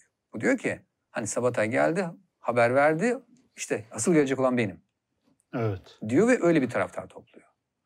Hikayenin benzer aşağı yukarı aynı. Orada da işte Katolik önce Yahudi otoriteler karşı çıkıyor. Şikayet ediyorlar Katolik otoritelere Polonya'da. Katolik otoritelere şikayet edilince onlar da işte bunu aynı şekilde yargılıyorlar. E, yargılama sonunda bu da yine benzeri bir şekilde e, Katolik, Katolikliğe dönüyor. Evet. Ve Katolik olarak kalıyor ve bunlar daha sonra Avrupa'da pek çok yerde uzun süre yaşıyorlar. Avusturya dahil. Bir kısmı ta Amerika'ya kadar geliyor. Ki en meşhurlarından bir tanesi şeydir mesela. John Kerry hakkında derler ama o biraz şüpheli bir durum. Ama en önemlisi mesela Brandeis. Brandeis diye birisi var. Bu Amerika'nın ilk büyük e, Anayasa Mahkemesi Başkanı. Supreme Court Judge yani. O mesela işte bu Frankist kökenden geliyor. Yani bir anlamda Avrupalı Sabateist Frankist Katolik karışımı birisi. Evet. Ve çok şeyler. Çok ilginç hikayeler. Spinoza ile ilgili de bir enteresan bir not. Spinoza tabii o da malum işte o da Marrano kökünden, Marrano yani eski Yahudi daha sonra Hristiyan olmuş öyle bir aileden gelen birisi. Amsterdam'da, Antwerp'te yaşıyor. 1600 yine 50'lerde malum. Modern felsefenin kurucusu diye bilinen söylemeye gerek yok. Ve çok ilgileniyor şeyle, Sabatay hareketi çıkınca. Merak ediyor. Yazdıkları var, pardon, arkadaşıyla yazışıyor. Arkadaşının ona yazdıkları var fakat onun cevaplarını bilmiyoruz. Yani kaybolmuş. Hmm. Ama e, Londra'daki bir arkadaşı var işte. Onunla sürekli yazışıyor. Hani ne oldu, ne bitti, ne, nereye gidiyor hareket diye. Onun da çok yakından ilgilendiğini biliyoruz yani. Evet. Burada bu tam da o dönemlerde ortaya çıkan Polonya'daki bu Hasidizm hikayesi de var değil mi? Yani tabii ki. Netflix tabii ki. dizilerinde böyle hala tabii onları ki, böyle ilginç o ortodoks hayatlarıyla hmm. şey yapıyoruz. Mesela hmm. bunlar hmm. şu anki İsrail'e bile karşı çıkıyorlar. Yani Mesih, Mesih hala Mesih'i bekleyen doğru. bir şey var orada yani. Çok, Pek doğru. Ya e, insan hani Yahudilik deyince dünyada bir tane Yahudilik varmış gibi Hiç değil, şey yapıyorsun doğru. falan ama hani o kadar Hasidizm e, de kendi içinde hani altta 5000 tane kolay ayrılan bir şey. Yani siz sabotaj, sabotajcılık için de toplam 9 tane ana böyle şey olduğunu söylüyorsunuz işte kendi aralarında tabii, bölünüyorlar falan. Yani o tabii sabotaj sevi olduğu zaman Mesih olduğu için zaten onu söylediği yani bu şey gibi peygamber geliyor. Tabii peygamber ki. zamanında onu söylediği zaten tabii ki. hüküm. Tabii, ee, tabii ki. Sorun yok ama o öldükten sonra ki şeyler, miras, hareketler. Miras kavgası. Tabii tabii. Yani onu nasıl neye göre hareket edeceğiz? O diyor ki bu işte şu yorumuna göre, evet. yani hareketine o, göre devam ediyor. Onları biraz aç, açabilirsek iyi olur hocam. Şimdi bu yani biz e, Sabatay hareketini... kaldım yalnız. Benim kafamda o kaldı. O, ona bir şeyler söyleyeyim tabii, mi? buyurun. Bir iki bir şey. Tabii tabii. Ama siz de unutmayın. Tabii, ben... Çünkü o çok önemli bir şey ve bence o da yine Yahudi meslektaşların ısrarla kabul etmedikleri ve bilmedikleri bir alan. Yani birkaç tane hariç. Onlarla be, yani yıllardır hani konuştuğumuz ettiğimiz şeyler e, konferanslarda falan. Ya ben mesela Hasidizmin ki hani Doğu Avrupa kökenli e, işte Baal Shem Tov diye Hasidizmin kurucusu piri diyelim Hacı Bektaş Veli gibi. Hacı yani Baal Shem Tov Osmanlı topraklarına doğuyor. Tam o sınır zaten. Oradaki sınırın ne kadar geçirgen olduğunu hani sınır bugünkü anlamda sınır değil zaten. Evet. O kültürler orada. Orada doğuyor. Bir kere o kültürde. Yani 1701'de doğuyor. İşte o sınır Polonya şey sınırı. Osmanlı sınırı. Gidip gelen bir sınır. Ama orada yani o hasidik kültürün hani sabotajcılıkla alakası tersten var. Onlar diyorlar ki biz sabotajcılar gibi ya da sabotaj sevi gibi olmayacağız diyor. Şimdi ama bak bir şeyin hani tersini yapmak aslında doğal olarak onun içinden gelmek demek. Yani ona hani sen reddettiğinde bile onun yani aynı diskursu kullanıyorsun değil mi? Metafizik anlamda aynı argümanları kullanıyorsun. Bir kere öyle bir ilişki var. İki bence diğer büyük bir ilişki hepsini birbirine bağlayan o mistik dünya özellikle Balkanlardaki o karmaşık, komplike, senkretik bir sürü kelime kullanılıyor biliyorsunuz. Evet. Orada bir ortak mistik üst kültür var. Yani bunun içerisinde Hristiyanlar da var, Yahudiler de var, Bektaşiler de var, Sufiler zaten hep var orada. Ee, ve birbirinden öğreniyorlar. Ee, yani bu aynı anlamına gelmiyor. Ee, ama inanılmaz paralellikler var. Yani sadece düşün, düşünsel olarak zaten inanılmaz benziyorlar. Yani mesela İngiliz Hasitizm'deki işte inziva kavramı, ondan sonra işte tekke kavramı, ona kort diyorlar. Yani Rebek, Rabbini kort diyorlar. Yani onun bir sufi dergahtan farkı yok. Yani orada da mesela bir şeyh efendi var, ona Rebbe deniyor, deniyor şehirine. Orası da bir ev gibi, cami gibi değil. İnsanlar uzaklardan gelip orada yatıyorlar, kalkıyorlar, yiyorlar, içiyorlar tamam Yani orada bir, bir, bir şey orası. İşte bir dergah bizim hı hı. anladım. Balkanlardaki bir dergah gibi. Müzikler inanılmaz benzer. Danslar, zikirler inanılmaz benzer. İşte bizim kasap havası dediğimiz şey orada kasapiko oluyor mesela. Evet. Tamam mı? İşte bu ilişkileri biz henüz daha bilmiyoruz. Yani oradaki o geçirgen, üst üste olan şeyleri bilmiyoruz. Çünkü bilmek için yani Yahudilik bilmek gerekiyor, İslam bilmek gerekiyor, Osmanlı tarihi bilmek gerekiyor, İbranice bilmek gerekiyor, Pol Polonyaca bilmek gerekiyor, Yidişçe bilmek gerekiyor. Biliyor, bir, gerekiyor da gerekiyor. Şimdi biz tabii doğal olarak ömürlerimiz sınırlı, zamanlarımız kıymetli, bitiyor. Çalışan yapamıyorsun hepsini. Evet. Şimdi yapamayınca da bilmeyince de yok deyip kestirip atıyoruz. Yani Yahudi meslektaşlarına benim en çok hani anlaşamadığım konulardan sonra. Yani diyorum ki bak burada bir ilişki var.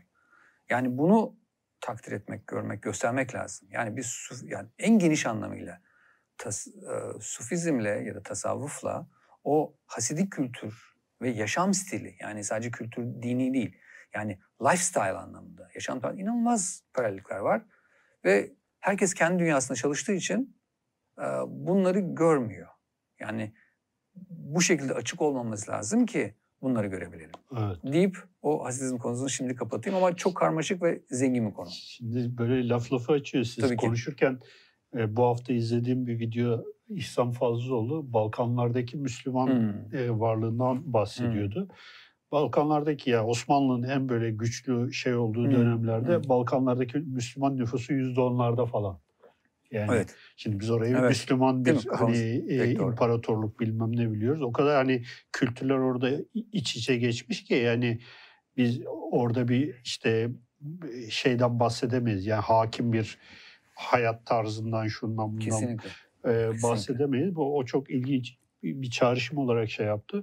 Hocam şimdi bir de tabii bu Sabatay'ın e, 1676'daki ölümünden sonra vefatından sonra e, bir takım bölünmeler başlıyor. Doğru. İşte Karakaşlar, Kapancılar, Yakubiler. Bunlar da kendi altlarında işte e, dinle kurdukları ilişkiye hmm. göre hmm. işte Ortodoks olanı var, işte daha e, liberal gibi liberal gibi olanı var, e, reformist olanı Reformist. var vesaire. Bu e, cemaat içi bölünmeler nasıl olmuş? Hmm. Yani burada nasıl e, görüş ayrılıkları ortaya çıkmış hmm. ki hani e, bugün de hala bu Tabii cemaatler e, Tabii yani varlıklarını sürdürüyorlar Tabii bildiğimiz kadarıyla. Tabii, tabii. O, o da çok çok mühim bir konu. Şu açıdan da mühim. Yani ben onu üç ayrı mezhebe benzetiyorum. Yani e, tabii hani mezhepler en nihayetinde bir yerde birleşseler bile sonuçta bir farklılık olduğu için ayrılıyorlar. Yani sonra o yüzden ayrı mezhep oluyorlar. O yüzden hani dönme kelimesi ya da sabateist kelimesi bir anlamda e, biraz yanlış oluyor. Çünkü o aradaki o alt bölünmeleri anlatmıyor bize ne olduğunu. Yani hani tam dönmelik ya da sabotajcılık diye bir şey var ama bir de yani Karakaş, Kapancı ya da Yakubi ki birkaç grupta olma ihtimali var. Bunu da zaman gelirse e, konuşabiliriz. Hala tam çözemediğim. E, onlar e, birkaç yüzyıl çok ciddi ayrılık bence yaşıyorlar. Yani şu andaki durum biraz farklı. Onu da belki sonra konuşuruz. Ama baştan niye ayrılıyorlar? Yani en baştaki konu e, Sabatay Sevi öldükten sonra işte o miras konusu yani entelektüel ya dini miras. Yani öldü peki şimdi ne olacak? Birinci soru o. Yani normalde e, normalde şey olmasa bir, bir psikolojik teori vardır işte kehanetler e, kehanetler gerçekleşmeyince when the prophecy fails diye bir şey var. Tamam mı? Öyle bir literatür var. Yani özellikle Amerika'da çok şeydir bu geliştirmiş bir teori. Çünkü orada bir sürü kültler falan var ya bir sürü şey inanırlar. Onun, o kehanete bir zaman verilir. Kehanet gerçekleşmez.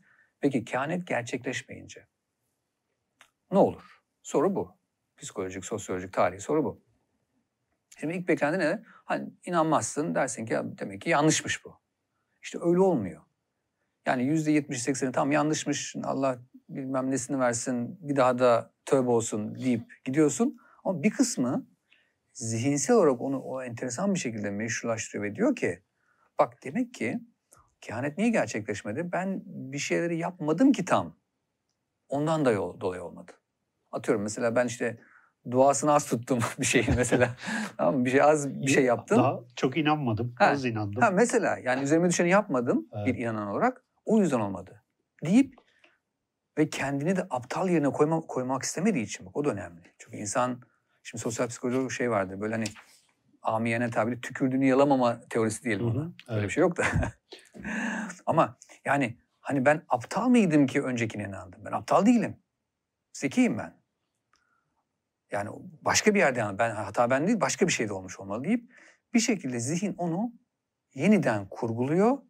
Yeni bir kehanet, yeni bir tarih üretiyorsun. Şimdi bunun içerisine hemen günümüzde dipnot atayım buraya aşağıya. Yani günümüzdeki bildiğimiz örnekler yani Adnan Hoca'dan tut, Fethullah Hoca'dan tut, ne bileyim yani Hasan, Mezarcı'ya kadar tamam mı? Şimdi orada niye sürekli bir kehanet oluyor? O gerçekleşmiyor ama millet hala devam ediyor. Çünkü yeni bir tarih yapılıyor, yeni bir şey yapılıyor. Çünkü biz zihin olarak demek ki psikolojik anlamda donanımımız o şekilde. Yani kendi hatamızı kabul etmiyoruz ya da ya da kendi hata kendimize bağlıyoruz olayı ve yeni bir tarihle yaşamana devam ettiriyorsun. Bir yaşama survival yani bu. Me- meşrulaştırıyor insan. Tam da evet aynen. Zihin zihin onu meşrulaştırıyor. Şimdi burada da benzeri bir şey oluyor. Şimdi önce Mesih ihtida etti. Evet. Şimdi zihin çok, çok, çok bir paradoks. Nasıl ya bir dakika yani beni kurtaracak diyordun düne kadar. Bambaşka Hatta bir şey, şey oldu. diyorlar ya hocam sözünü kestim. Lütfen. Meclise girdiğinde yani o yargılama odasına girdiğinde şeyi de sultanı da e, tabii ki da, davetiyle kendilerine mühtedi yani ihtida edeceğini iddia ediyor ama giriyor farklı şekilde çıkıyor. Tabii. Beklenti o. Diyor ki içeri girdi şimdi padişahın padişahı da kendine e, ikna edecek. ikna edecek ve padişahın da ordularını arkasına katıp asıl büyük düşmana karşı savaşacak. Şimdi o zamanki anlayış o. Büyük düşman kim? Edom. Edom kim? Hristiyanlık. Hristiyanlığı kim alt edebilir o sırada? En büyük ordu kim? Osmanlı ordusu. Şimdi öyle bir beklenti var. Şimdi onların hiçbirisi hepsi tuzla buz oluyor. İçeriden dediğim gibi bambaşka bir hikaye çıkıyor. İkinci büyük paradoks ve en büyük şey yani hani diyelim ki onu atlattın. Şimdi bir yani yüzde sekseni gitti, yüzde yirmisi atlattı bu badireyi. Dediler ki işte başka bir plan var bunun içinde. 10 yıl daha geçti. E bu defa o da olmadı, öldü. Hani bizi kurtuluşa erdirecekti? Hani biz sona gelmiştik? Şimdi onu atlatmak gerekiyor. İşte o büyük bir travma işte. İşte onu tam da dinler tarihin konusu olan dinlerin nasıl çıktığı ortaya konusu gibi bir şey çıkıyor. Aynı Şiilikteki o hani gayib imam teorisi gibi. Aynı Hristiyanlıktaki İsa'nın ikinci kez gelişi teorisi gibi bir teori çıkmaya başlıyor. Diyor ki ha aslında ölmedi. Yani her şeyi yaptı, hazırladı, saati falan kurdu yani zembereyi kurdu. Ve bizim de üzerimize hafif bir örtü attı. Birkaç detay daha var. Onları da çözecek o sırada. Bilmediğimiz ilahi detay. İşte bizi uyuttu. Zaten hani derdimi söylemedim, uyuttum. Hı hı. Meşhur şey var ya biraz onunla alakalı. Yani her şey oldu bitti. Bizi de uykuya yatırdı. O gelene kadar idare edelim biz. Ondan sonra tekrardan tekrar gelecek. İşte yani o İsa'nın değil tabii aynı şey. Hani Sabatay Sevi'nin ikinci kez gelişi teorisi daha sonra Karakaşlar'da Osman Baba olacak o. İkinci kez gelmesi teorisi orada çıkıyor. Çünkü öldü gitti ne yapacaksın? Şimdi ona öldü diyemezsin. Dememen lazım. O zaman gibi sen bütün her şeyini vazgeçmen lazım. Yani kendini aptal yerine koymaktan tut da ya da kendini aptal yerine konulmasına kadar. Evet. Dini olarak nasıl meşrulaştırıyorsun? Diyor ki gitti bu bir plan dahilinde ve tekrar gelecek. İşte bu When the Prophecy Fails'ın bütün anlamaya çalıştı bu. Ya insanlar biz insan olarak nasıl bunu meşrulaştırırız? Yani Alevilikten tut yani bir sürü farklı yani Şiiliğin farklı kollarından İsmaililikten Hristiyanlıktan dediğim gibi Hasidizme kadar. Hasidizmin bir tane lideri var şu anda şeyde. Ee, um, Habadnikler. İstanbul'da, İzmir'de de var hmm. kaç tane. Ama dünya çapında her yerde bu tane meşhur sakallı bir şey var. New York'ta, um, Manhattan, Brooklyn'de böyle bir milyon falan şey var, taraftar var. O da aynı şekilde çıktığında bütün Yahudi, normal Yahudiler ha bak başka bir Sabatay Sevi çıktı. Çünkü aynı şeyi söylüyor. İşte geldi, gelecek, kıyamet, hazırlanın bilmem ne falan. Onlar da İsrail'in varlığına karşı çıkıyorlar. Çünkü İsrail niye çıkıyor karşı? İsrail çünkü Ben Gurion tarafından kuruldu. Ben Gurion Mesih değil. Evet. Tamam mı? Yani seküler birisi. Dolayısıyla diyor ki sen onu kurarak aslında Mesih'in yapması gereken şeyi de geciktiriyorsun. İşi de karmaşıklaştırıyorsun. Hani çekil aradan da Mesih gelsin. İşte bu bu şey Habat lideri olan kimse bunu diyordu işte hani karşı çıkıyoruz. Kabul etmiyoruz İsrail'i meşru olarak. Ben buradayım zaten Mesih gibi. Hani kendi kendine demiyor etrafı Mesih diyor. Peki ne oldu? Öldü. Gitti evet. yani. Ama ama işte öldü. Öldü değil işte. Yani orada da bakıyorsun yine aynı şey. İkinci kez gelecek. Hatta orada birazcık şaka umarım yanlış anlaşılmaz. Mezar taşı şeydi. Mezar taşında şey diye yazıyormuş işte hani I will be back diye kendi kendine yazıyormuş falan gibi. Evet. Öyle bir enteresan şaka da var. Bölünmenin şeyi o. Yani öldü ne olacak? Peki diyorlar ki tamam ikinci kez gelecek. Soru peki gelene kadar ne yapacağız? Çünkü yarın da olabilir hı hı. değil mi? 10 yıl sonunda, 100 yıl sonunda. İşte o soru yani gelene kadar ne olacak ve o sırada bizim başımızda da kim olacak? Onu temsilen. Sorusu cemaat üçe bölüyor. Önce ikiye, sonra bir daha bölüyor, üç oluyor. Detaylar uzun ama soru kim lider olacak sorusu. Ve liderliğinde şartı sorusu. Şimdi birisi diyor ki mesela lider diyor Osman Baba diye bir çocuk olacak. Çünkü birisi vardı tam Sabatay Sevi öldükten 9 ay sonra doğdu. Dolayısıyla onun ruhu, ki Yahudi mistisizminde bir şey vardır, ruh göçü vardır. Yani tasavvufta da vardır. Tasavvuftaki ruh göçü değil de sır göçüdür. Yani sırlar el değiştirir. Şimdi ona benzer bir şey. Diyorlar ki dolayısıyla işte o kara kaşların şeyi argüman oluyor ve Osman Baba etrafında birleşiyorlar. Onun öncesinde Yakubiler diyor ki Sabatay ölmeden önce bir karısı var. Dördüncü karısı bu arada. Ayşe diye. Onun da kardeşi, kardeşi Yakup var. Ayşe ile Yakup Sabatay'ı Ülgün'de en son ziyaret eden iki kişi. Ayşe diyor ki Sabatay diyor işte ölürken ya da ölmeden bana vesiyet etti. Kardeşin olacak dedi lider diyor. Dolayısıyla Yakubiler de o Yakup babaya ya da Yakov, Yakov Kerida'ya inanıyorlar ve o da Yakubilerin başlangıcı oluyor falan deyip bir kez daha bölünüyor da Karakaşlarla Kapancılar da bölünüyor başka bir sebep yüzünden. Onlar da Osman Baba'nın tam ilahi bir adam olmadığını, lider olmadığını düşünüyorlar farklı sebepler yüzünden. Bu şekilde cemaat üçe ayrılıyor ve o ayrılık ta modern zamanlara kadar, 20. yüzyılın başına kadar, 19. yüzyılın başına kadar geliyor. Ayrılık. Burada hocam şey de e, kendi içinde meşrulaştırmasını da yine yani şeyin Sabatay Sevi'nin bu süreci yani Müslüman olmayı da kendi içinde meşrulaştırması da ilginç bir şekilde yine ıı, yani İspanya'daki hmm. Yahudi alim e, Maimonides'e dayandırıyor. Yani o ilişkiler de çok ilginç. Yani aslında böyle bir hmm. şimdi düşününce Tabii. yani işte bir tarafta İspanya var, o bir tarafta işte Vani Efendi, Van böyle Londra böyle, var, Moskova var. Moskova yani cidden çok büyük bir tabii, tabii. E, çok büyük bir şey var, e, alan var ve fikir yani bir yandan da fikirler de sürekli gidip geliyor, Tabii, tabii. birbirlerini de etkiliyor. Aslında çok böyle e, e, sandığımızın da dışında, Hı hı. ötesinde Doğru. Çok etkileşimli bir dünya. Çok doğru. Çünkü beni de aslında gerçekten de hani en etkileyen şeylerden bir tanesi oldu. Uzun zaman böyle baştan hani ben olayı ilk başlarda çalışırken ha, neydi işte dönmelik tarihi, sabotajcılık tarihi falan diye düşünüyordum ama içine girdikçe yani o kadar kapılar açtı ki yani zihinsel, entelektüel, profesyonel anlamda.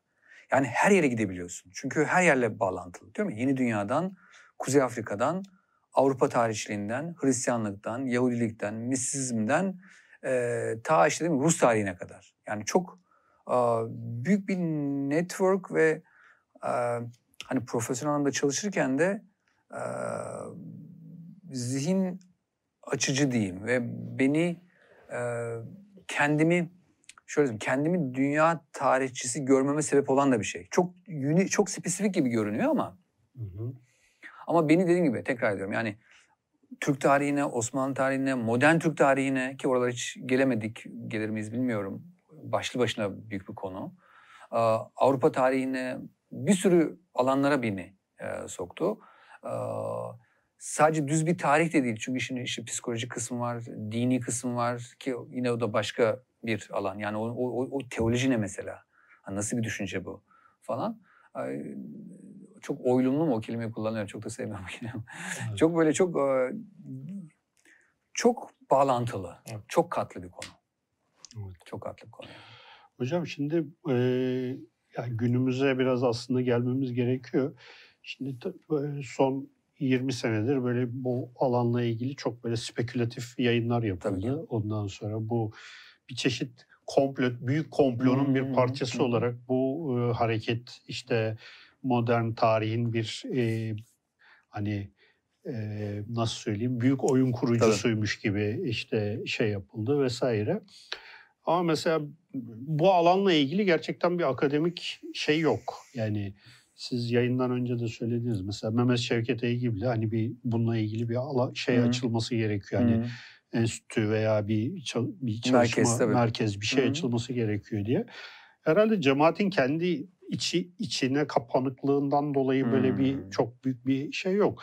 Günümüzde nasıl? Yani Hmm. e, herhalde siz yakından takip ediyorsunuzdur tabii ki, vesaire. tabii ki. Yani e, herhalde 16. 17. yüzyılla hı. göre son derece artık modernleşmiş, sekülerleşmiş vesaire bir Hı, hı. e, ağırlıklı bir cemaat olduğunu tahmin edebiliyoruz tabii. Tabii İçinde ki. olmadığımız için çok fazla bilemiyoruz ama Tabii. böyle bir merkez ihtiyacı var mı? E, böyle bir niyet var mı? Hmm. Veya işte ne bileyim e, olsa nasıl olur? Anladım. Çok mühim. Yani bu, bunu yapmak çok zor. Aslında e, bir, bir girişimde var. Ondan bahsetmek isterim kısaca son zamanlarda oluşan. Ama buraya da çok birden gelinmedi. Hı hı. İşte şu anda böyle e, um, Society for Sabbatean Studies diye işte sabotajcılık çalışmaları derneği diyelim. Hı hı. Ee, Öyle bir şey, bir oluşum oldu son birkaç yıldır. Bu uluslararası e, bir platform. Abi Evet, platform aslında en güzel e, belki tabir onun için. Çünkü yarı akademik, yarı değil. e, e, Takipçileri var, işte her hafta bir takım konuşmalar e, yapılıyor. Dünyanın her yerinden bu konuyla ilgilenen, e, bu konuyu bilen, e, ilgilenen insanlar gelip e, o konuyu tartışıyorlar. E, İşte 50 kişi, bazen yüze yakın kişi e, bu toplantılarda oluyor. Zoom üzerinden e, devam ediyor şu bu anda etkinlik. Ya uzun vadede e, amaçlardan bir tanesi hani bu konudaki bilgilenmeyi e, artırmak. E, Daha ziyade şu anda o bahsettiğim oluşum içerisinde e, bu kökenden gelen ama pek de bu konudan haberi olmayan ya da öğretilmemiş olan ya da az bilgisi olan, daha çok öğrenmek isteyen ya da fazla bilgisi var ama onun bilgisini paylaşmak isteyen e, insanların olduğu e, bir e, oluşum var. Dediğim gibi Society for Sabbatian Studies diye. Ama bu hani bir kurumsal kimlik kazanıp bir üniversitenin parçası olacak mı? Onu henüz bilmiyorum. Hı. olabilir. Ben olmasını tavsiye ederim. Bana sorduklarında ben kendilerine söylüyorum. Yani bunu bir kurumsal özellikle üniversite bağlamında yapmak lazım ki araştırmalar da bunun içerisinde olsun. Özellikle de işte sansasyonel olmayan böyle büyük büyük resim, büyük oyun laflarını geçmediği Evet. e, şekilde yapılması lazım. Ama günümüzdeki durum şey ama işte yani o suskunun yüküyle alakalı bir şey. Yani insanların bazıları hala şu paradoks var. Yani hani susalım mı konuşalım mı? Yani e, şimdi konuşmanın bedeli var. Ee, ya o yüzden de işte bu çift kimlik, çift kimlilik, bazen 3-4 kimlilik ortaya çıkıyor ki hani bu e, sadece sabotajcı gelenek için geçerli değil. Ben mesela kitapta da var, daha sonraki çalışmalarımda da o konularla ilgilendim, ilgileniyorum. Hani Osmanlı'daki ne diyelim gizli kimlikler, çifte ya da üçlü kimlikler çok var. Yani düşündüğümüzden çok daha fazla işte Ermeni, Yahudi, Rum ne derseniz deyin. Çok fazla var. İşte Hemşinliler, İstavriler, Vallı Hadesler yani bildiklerimizden birkaç tanesi. Yani Yeniçerilerin ya da Bektaşilerin içerisindeki farklı bireyselleri kastetmiyorum. Yani ku- ya cemaat ya da büyük bir komünite düzeyinde de bu tür kimlikler var. Ve ben ilgilendikçe bu konuyla Osmanlı toplumu hep yani hoşgörüden bahsedilir, hep çok kültürlükten bahsedilir falan filan ama e, peki o zaman neden bu kadar gizli kimlikte çıkmış ortaya diye de insanın sorusu geliyor. Yani demek ki bahsettiğimiz, düşündüğümüz kadar da öyle bir e, hoşgörü ortamı falan da yok aslında. Evet. Ee, hani bunu Alevi kimliğine dahil etmek e, mümkün. Ee, şimdi o anlamda hem Osmanlı'da farklı sebepler yüzünden, temel olarak dini sebepler yüzünden demek mümkün. Ki ekonomik ve siyasi sebepler her zaman var. Ama hem de Türkiye Cumhuriyeti'nde e, konuşmak kolay değil. Özellikle farklı kimlik taşıyorsanız, özellikle azınlıksanız ki bu azınlık illa sayısal anlamda değil. Yani düşünsel anlamda azınlıksanız. Konuşmak çok zor. Yani ben hani sabotajcılıkla ilgili olan gelişmelerin ya da gelişmemenin de bu genel baskıcı kültürle alakalı ya da işte liberal ya da neyse varsa öyle bir şey. O kültürle alakalı olduğunu düşünüyorum. E, Bu arkadaşların da paradoksu o. yani konuşmayı söyleyenler bu yükün altında ezilenler. Diyor ki ben diyor bunu eziliyorum artık. Yani benim kimliğimse e, ister dini, ister ırksal, ister neyse kimliğimse öğrenmek istiyorum ve konuşmak istiyorum ve çoluğuma çocuğuma da söylemek istiyorum. Ya bu hani ben böyleyim. Hı hı. Ama konuşmamak isteyenlerin de şeyi şu hani konuşulduğunda olabilecekler var. Olanlar var, olabilecekler değil, olanlar var. Ee, şimdi oradaki büyük açmaz o.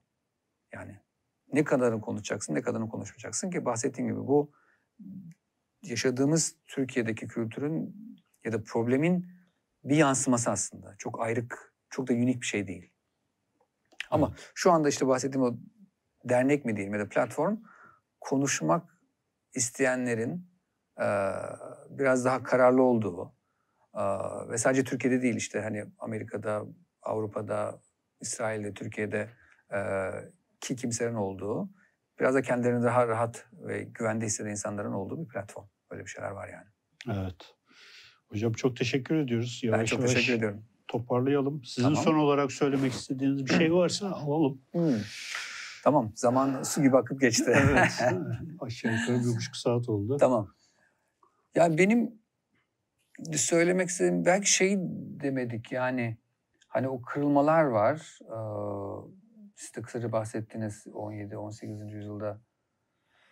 Bir misyonerlerin etkisi var belki bu da ayrı bir konu. Yani misyonerlerin girip dönüştürdükleri bir kültür var orada. Hem Yahudiler arasında hem de Dönmeler arasında 19. yüzyılda ki hani o işte misyoner okulları özellikle Amerikan protestan misyoner okullarının hani etkisini ki ben Boğaziçi mezunuyum. Hı hı. İşte Robert Koleji var. Ee, İzmir Amerikan var, Amerikan var, Üsküdar Amerikan var. Bir tonlarca okul var. İşte o, o okulların dönüştürdüğü bir kitle var.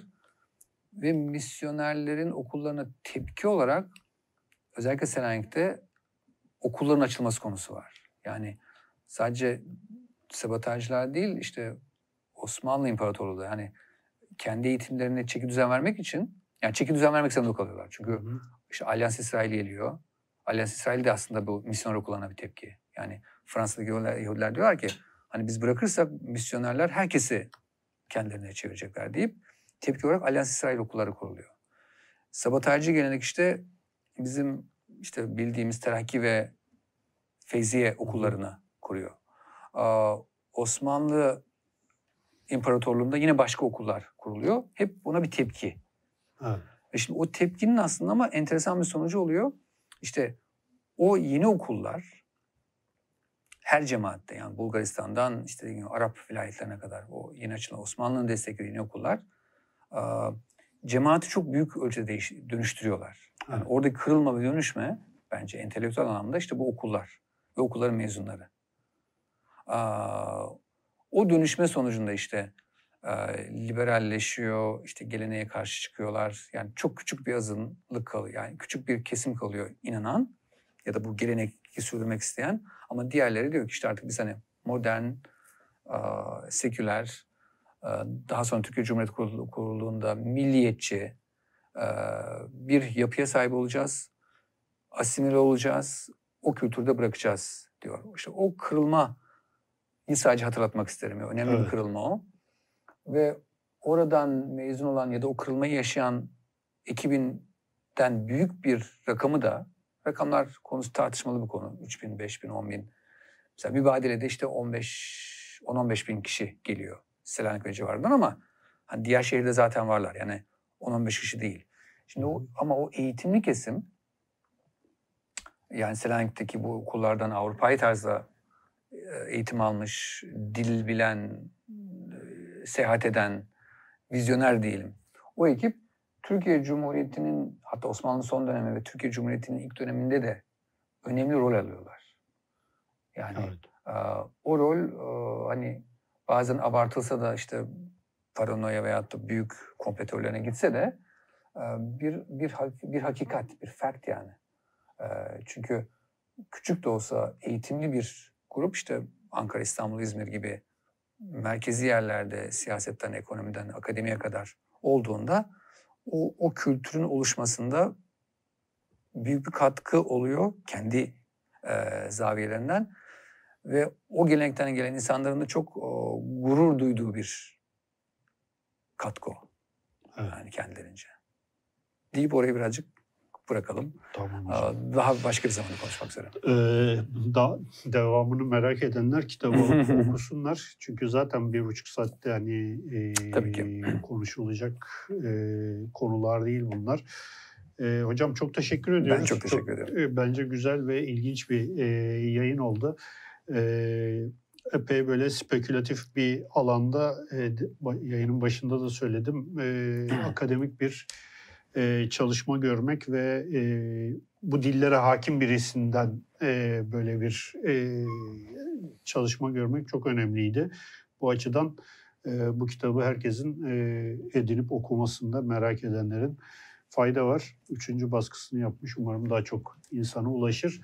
E, 227. yayın- yayınımız burada sona eriyor. E, Cengiz Şişman hocamıza e, tekrardan teşekkür ediyoruz ve bizi destekleyen Kur'an kitabı da ayrıca e, teşekkür ediyoruz. İyi akşamlar diliyoruz. Ben de çok teşekkür ederim hem Ozan Bey'e hem adaşım Cengiz Bey'e ve başarılar diliyorum. Umarım 227 tane daha en az programınız olur. İnşallah hocam. Teşekkür ediyoruz. Türkiye'nin sivil, bağımsız, özgür ve çoğulcu bir medya ortamına ihtiyacı var.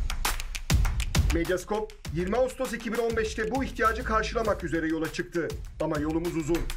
Bu yolculukta bize Patreon veya YouTube'un katıl butonu üzerinden katkıda bulunabilirsiniz. Destek verin, sizinle güçlenelim.